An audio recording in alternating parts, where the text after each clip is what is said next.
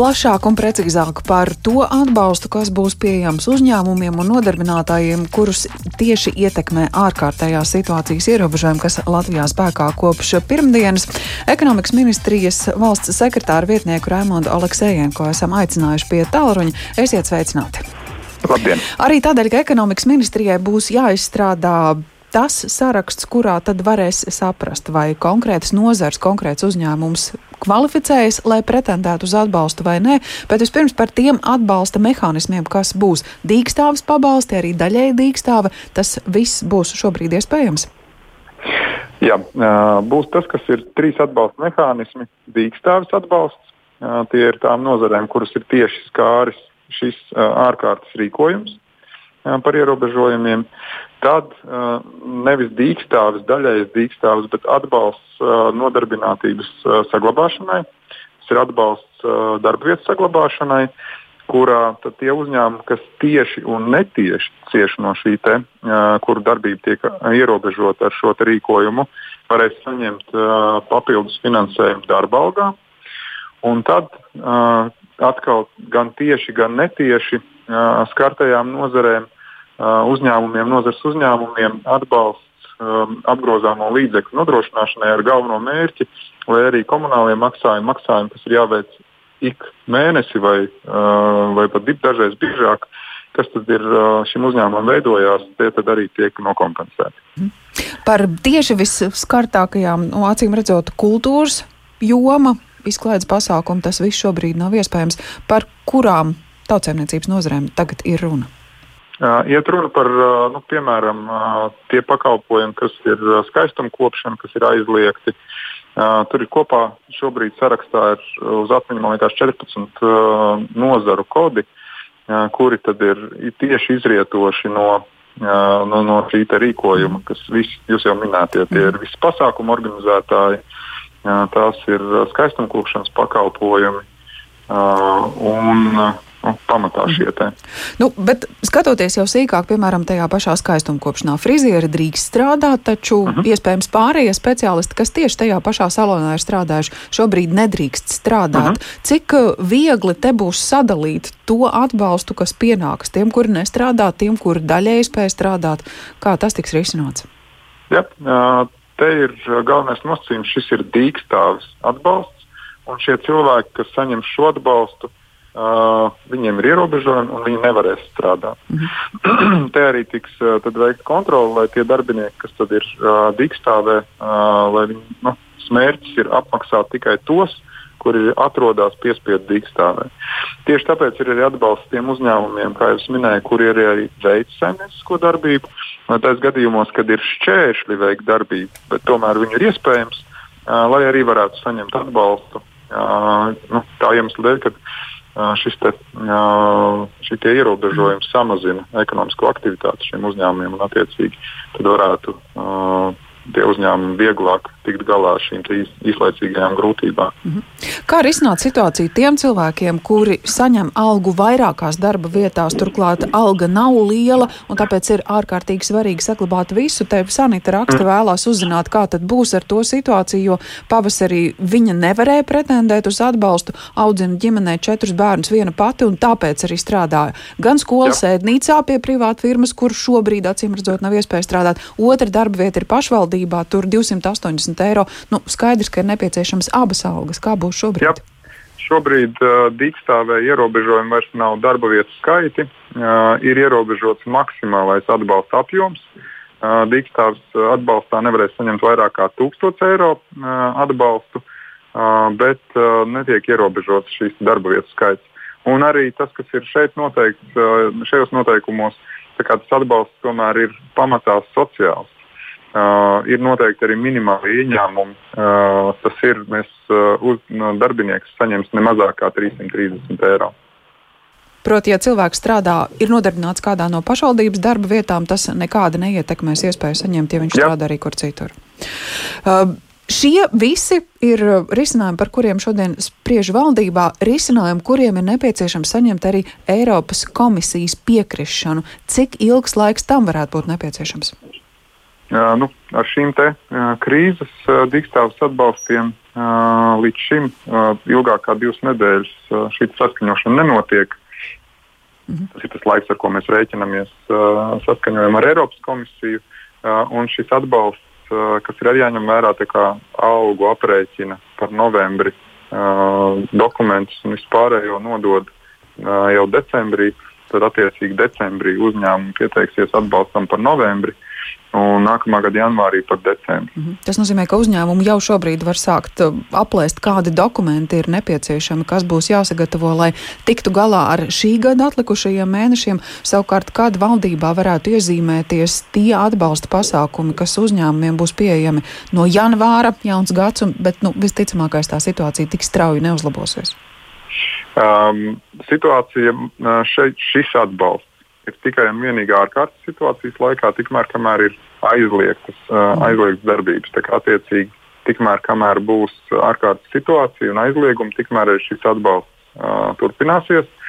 Citi atbalsti, kas ir vērsti nevis vairs uz uh, darba vietas saglabāšanu vai uz īslaicīgu aizliegumu pārdzīvošanu, bet atbalsts, kas ir saistīts ar jau izaugšanu, mhm. tālāk lielāku eksportu. Uh, Uh, un uh, atsevišķi, piemēram, grupām, kuras nu, mēs arī aprēķinām, saprotam, ka būs nozars, kuras neizbēgami samazināsies. Un, attiecīgi, šī darbinieki, kas uh, būs spiesti mainīt savu nodarbošanos, šī atbalsta liela daļa no instrumentiem jau ir pieejama, bet arī vēl papildus instrumenti uh, tiek izstrādāti un, un būs pieejami gan finanšu instrumentu veidā, gan darbinieku apmācības, gan pārkvalifikācijas mm. veidā. Uh, gan arī mēs strādāsim pie tā, lai arī tie paši pasākumi, kas ir saistīti ar bezdarbnieku pārkvalifikāciju, lai viņi arī daudz precīzāk mērķētu pa cilvēku tādām pāriešanu no vienas nozares uz produktīvākām nozarēm. Tā kā valdības sēde ir slēgta un iespēja sekot līdzi šobrīd ir diezgan ierobežota, varbūt jums ir informācija, vai šobrīd jau ir izskatīts jautājums, kā būs ar darba nespējas lapām, vai te ar covid vai saaugstēšanās simptomiem būs iespēja jau saņemt pirmajā dienā atbalstu. Nē, esmu šobrīd pieslēdzies valdības sēdē. Nezinu, vai jau ir izskatīts, bet noteikti šis jautājums tiks skatīts Un, un gan tiem, kas ir strādājuši, kas ir saslimuši ar covid, lai šis risinājums būtu uzreiz, lai mēs motivētu cilvēkus palikt mājās, tad, kad ir gan aizdomas, gan arī jau faktiski saslimšana. Mm -hmm. Paldies par šo sarunu. Tā Raimons Aleksējienko, ekonomikas ministrijas valsts sekretāra vietnieks, un tikko dzirdēto iespēju saņemt atbalstu ārkārtējās situācijas laikā vērtēsim arī sarunājoties ar Latvijas Tirzniecības Rūpniecības kameras valdes locekli Katrīnu Zariņu ir pie mūsu tālruņa. Labdien! Labdien! Ir izstrādāts optimālais variants, tas, kas šobrīd palīdzēs tajā brīdī uzņēmumiem, kur šobrīd nu, pilnīgi nespēja darboties? Katrīna, vai varētu palūgt mainīt nedaudz atrašanās vietu, jo šobrīd es dzirdu, ka jūs runājat, bet līdz ēteram šī skaņa nenonāk. Tagad ir labāk. Tagad ir ievērojami labāk. Jā, Labi, tad es, tad es te. Uh, jā, ekonomikas ministrijas pārstāvs jau ļoti labi iezīmēja, ka tas ir uh, īstermiņa atbalsts uh, ārkārtējās situācijas laikā. Un, uh, un tas, protams, bija ļoti nepieciešams, lai atbalstītu tās nozares un tos uzņēmumus, kas ir tieši ietekmētas ar, ar ierobežojumiem vīrusa izplatības mazināšanai. Um, tas, kur varbūt mēs saredzam zināmu problēmu, un, un, un arī esam par to uzrunājuši ministriju, ka ņemot vērā, ka viens no kvalifikācijas kritērijiem ir nacakots, Tad šis saraksts, protams, lai arī diezgan garš, tomēr joprojām ir um, ierobežojošs. Jo um, tas, ar ko mēs saskārāmies arī pavasarī un arī nu, tagad rudenī, redzam, ka nereti uzņēmumi kā savu darbības uh, pamatkodu nav uh, reģistrējuši to, ar ko viņi īstenībā nodarbojas. Respektīvi, uzņēmums var būt uh, šajā te, uh, skartajā un aizliegtajā nozarē, Tomēr pēc NASA koda viņš tur īsti sevi neatrod šajā atbalsta instrumentā. Nu, līdz ar to, protams, tas NASA kodu saraksts nu, viņam būtu droši vien jābūt pat garākam mhm. ja, no mūsu skatījuma. Tā nezinātājiem, cik ātri šo kodu var nomainīt uzņēmums, ja grib šobrīd to situāciju labot? Tas teorētiski nav tik sarežģīti, bet ministru kabineta noteikumos uh, ieliek tādu kā, nu, no, nosauksim to kā drošības uh, normu, ka uzņēmumam jābūt ar konkrēto NACE kodu periodu X. Nu, kad Jā. jābūt piemēram nu, no mēneša, nezinu, marta ar šo NACE kodu vai, vai pat agrāk. Mhm. Uh, nu, lai neradītu šādas situācijas, ka uzņēmumi Manītos, izmanto jā. atbalstu jā, negodprātīgi. Mhm. Tas ir viens vai vēl kas būtu valdībai šobrīd jāņem vērā, lai nebūtu līdzīgi kā pavasarī. Toreiz arī izskanēja ļoti optimistiski sākotnēji, ka ir finanšu iespējas, varam palīdzēt daudziem, taču beigās izrādījās, ka tā iespēja saņemt atbalstu ir diezgan ierobežota. Protams, ka tas arī šoreiz tas diskusijas periods jau par tādām konkrētām kabineta noteikumu normām nu, bija salīdzinoši īss. Mēs, protams, konceptuāli izdiskutējām, un konceptuāli visi šie atbalsta instrumenti ir vajadzīgi un pareizi, un to nevar apstrīdēt. Bet, eh, bet nu, tādās eh, tehniskās, tehniskās detaļās mums iespējams nebija pietiekami daudz laika izrunāt. Un, un tas risks, protams, pastāv, ka brīdī, kad šis atbalsts sāks darboties, mēs atkal redzēsim, nu, ka ir kaut kādas nu, ka ir problemātika, ka tiešām daudz uzņēmumi, kas, kas ir aizvēruši savu darbību vai to pārtraukuši, vai kur ir nu, diezgan pamatīgi ierobežot atbalstu, tomēr nesaņem. Tas, ko varbūt es gribēju, tā nu, to pozitīvo pusi par darba nespējas lapām, ko arī šodien ministru kabinets skata, nu, gan jau otrajā sēdē, kas ir slēgtā, uh, tā ir ļoti pozitīva iniciatīva no ekonomikas ministrijas puses, no labklājības ministrijas puses. Un, un šādi grozījumi tiešām ilgi gaidīti un ļoti vajadzīgi, lai mazinātu vīrusu izplatību tieši darba kolektīvos. Mhm. Paldies par šo skatījumu un komentāru. Latvijas Tirzniecības Rūpniecības kameras valdes loceklis Katrīnas Zariņas viedoklis un vēl arī Brīvo arotbiedrības savienības priekšsēdētāju Egīlu Baldzēnu esam sazvanījuši. Labdien! Labdien! Lai pavaicātu, kā jums šķiet, vai šobrīd uh, darbinieki, cilvēki, kuri ir skarti ārkārtas situācijas dēļ, kuriem nav iespēja strādāt, vai šobrīd jūtas drošāk, jūtas pasargātāk nekā tas bija pavasarī?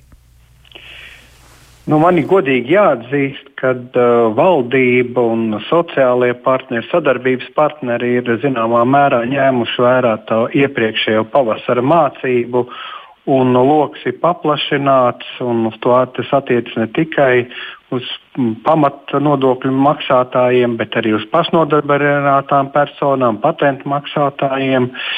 Tā kā tas ir ņemts vērā un ir arī vesela virkne citu tādu jautājumu, bet uh, aizvien paliek jautājums par to, vai viņš sasniegs visus. Ja? Te ir gan šis nozara saraksts, kas būtu īstenībā vēl rūpīgi jāpaskatās, vai nav jāpapildina. Un jāatceras arī, arī tas, ka ir starpnozaru uzņēmumi, par kuriem jau daļēji kolēģi runāja. Nu, tas būtu viens, un pat ministra personā, kā es redzu, min tādas vietas, kur ir tādas nu, piemēram, ne, neregulārie transporta pakalpojumi, kas Jā. skar piemēram skolēnu autobusus, kas skar turisma autobusus šobrīd, kas skar varbūt arī, manuprāt, arī dzelzceļu, kuram tā krīze sākās mazliet agrāk, dažus mēnešus, mhm. bet sakarā ar arī ar citiem iemesliem, gan ar sankcijām, gan embargo, kas pārtrauca arī kravu plūsmas. Tur vesela virkne tādu lietu, kas ir jāskatās, bet man gribētos uzsvērt vēl vienu lietu, ka paralēli tam ir ļoti pozitīvi tas, ka ir šī daļējā dīkstāve, jo iepriekšējā reizē arotbiedrības kopā darba devējiem nonāca pie kopsaucēja, ka pie zināmas ierobežotas daļējas dīkstāves tomēr ir iespējams. Tas ir ar koplīgumu ar arotbiedrību noslēgts un padziļināt sadarbības partneriem ar finanses ministriju. Tie vairāk nekā 4000 uzņēmumu. Šobrīd mēs jau to godīgi atzīstam. Un ir labi tas, ka dīkstāvis pabalstu un algu subsidēšana var attiekties uz vienu un to pašu uzņēmumu, ka mēs mēģinām pēc iespējas noturēt šo ekonomiku tādā nu, dzīvības stadijā, nevis vienkārši domājam par dīkstāvis pabalstiem, un nav šie aizliegumi tik stingri, kā varbūt sākotnēji mēs mēģinām elastīgāk iet, un arī tas, ka ir 50 eiro par apgādājumu nu, līdz 24 gadiem, ja viņš studē. Tas arī ir tāds labs jautājums. Ir. Bet jāpiemina vēl viena lieta, ko arotbiedrības visu laiku ir uz, uzsvēruši jau vairāk kā gadu, jo pagājušā gada septembrī ministra kabinetā dzima ideja, ka bezdarbnieku pabalstam jābūt saīsinātam un apmēram samazinātam, un tas tika stingri ieviests.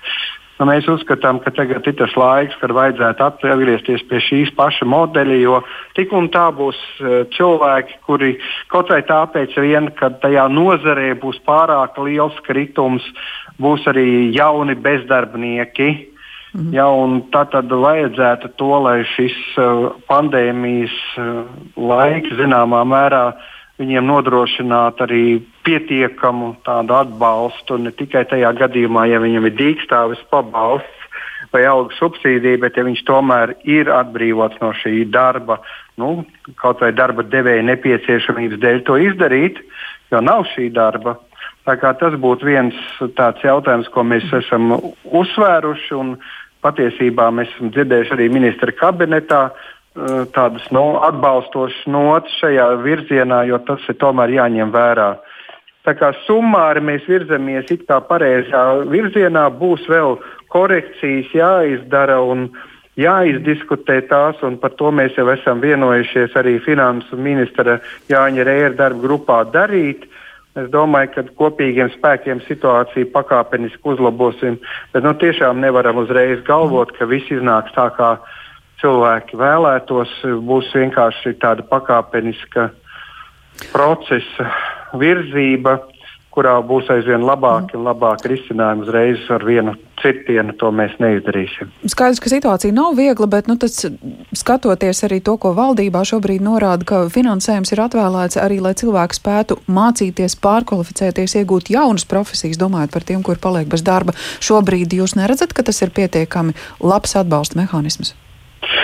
Ne, nu, tas ir obligāti nepieciešams, jo mums eh, tiešām būs nozares un uzņēmumu vismaz daļa no viņiem šajās nozarēs, kuri tā varbūt nevarēs tādā apjomā, kā bija līdz šim, atjaunot savu darbinieku skaitu un no apjomu, darbu, darba apjomu. Nu, tad, tad vajadzēs mums šo pārkvalifikāciju veikt, un tas ir ārkārtīgi svarīgs virziens. Mūsdienās jau tas ir pat neatkarīgi no krīzes, jaunas prasmes, jaunas nu, iemaņas, jaunas Jā, teiksim, nu kā, kā mūža izglītība. Te vai nepieciešamība Jā, tas ir pilnīgi ne, nepieciešams un īstenībā šeit noteikti gan darba devējiem, gan arotbiedrībai vajadzētu būt augstākai līdzlemšanai, lai varētu parādīt tās tendences, kas tirgu ir. Nu, šobrīd tā ir netipiska situācija.